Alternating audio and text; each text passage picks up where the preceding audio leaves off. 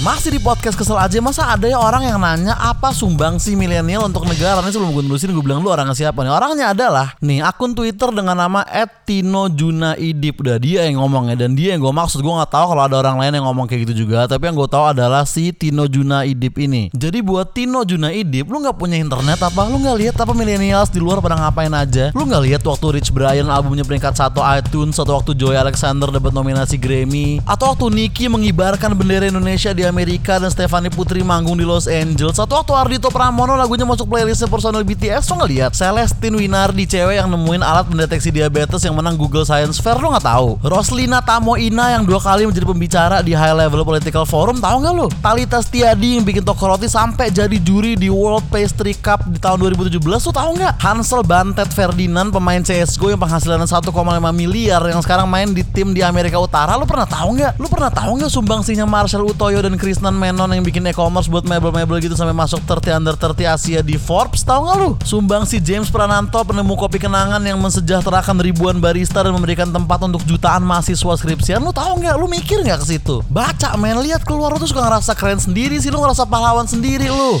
Uh, maksudnya kenapa gue bisa ngomong gitu? Karena dia pernah nge-tweet nih katanya selamat hari pahlawan untuk diriku sendiri itu kan self-centered banget. Sok pahlawan lu, sok banyak sumbangsi buat negara ya. Lalu tuh cuman bisa dari situ gara-gara bokap lu aja. Lu tuh bukan cinta sama negara, men. Lu tuh cuma nurut sama orang tua dan kenapa gue bisa bilang gitu? Karena dia pernah nge-tweet, kan ku ganti setetes air matamu dengan seluruh darah dalam tubuhku, ayah gitu. Jadi gue menyimpulkan kalau dia nurut sama orang tuanya dan gak usah lo sok-sok kritik generasi lain dulu. Urusin aja dulu diri lu dan tai lalat lu itu maksudnya karena emang pas gue zoom fotonya? Emang nih orang care tai lalatnya Dan lagian kalau kita mau sesuai dengan definisi formal Millennials tuh tahun lahirnya dari 1981 sampai 1996 Jadi gak hanya anak-anak muda tadi doang. Dari Rektiono sampai Bintang Emon tuh masih millennials men. Dari Raisa sampai Vincent Raditya tuh masih millennials. Dari NZ Story sampai Nadiem Makarim tuh masih millennials. Saleh Hussein, Irfan Bahdim, Maudi Ayunda, Raffi Ahmad tuh masih millennials semua men. Dan sumbangsi mereka menurut lo kecil gitu Sumbangsi lo apa? Millennials mantep-mantep men. Lo aja nggak tahu ya walaupun Millennials millennials bangsat ya banyak juga. Millennials millennials nggak guna ya banyak juga. Millennials yang motornya Mio cuma ditrondolin biar knalpotnya lebih berisik dari ranking terus latihan trek-trekan di tempat-tempat kerja gua. Jadi kalau kita ngobrol terus berhenti berhenti dulu ada. Millennial yang bersembunyi di belakang akun alter buat ngatain pemerintah dan ngupload bokep di Twitter ada. Millennials yang narkobaan di mobil terus kecelakaan tapi karena bokapnya kaya di media ditulisnya ngantuk ada. Millennials yang nongkrong di warung kopi nih ngeliat cewek cantik dari jauh terus direkam aja tanpa izin di save diupload ke TikTok TikTok dikasih lagu Tuhan tolong aku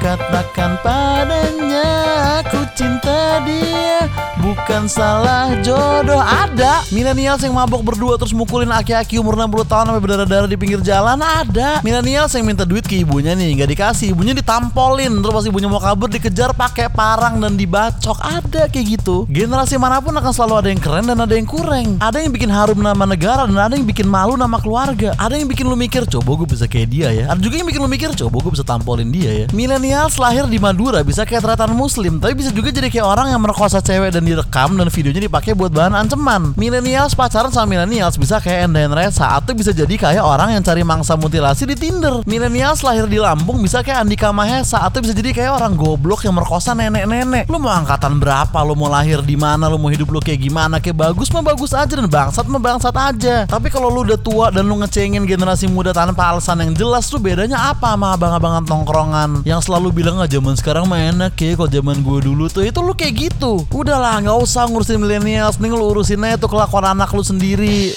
Gak maksudnya soal dia pernah nge-tweet Masih ada yang bilang gak bisa tidur gara-gara deg-degan UN besok Cian tuh anak. Mungkin kan anaknya kan kita nggak tahu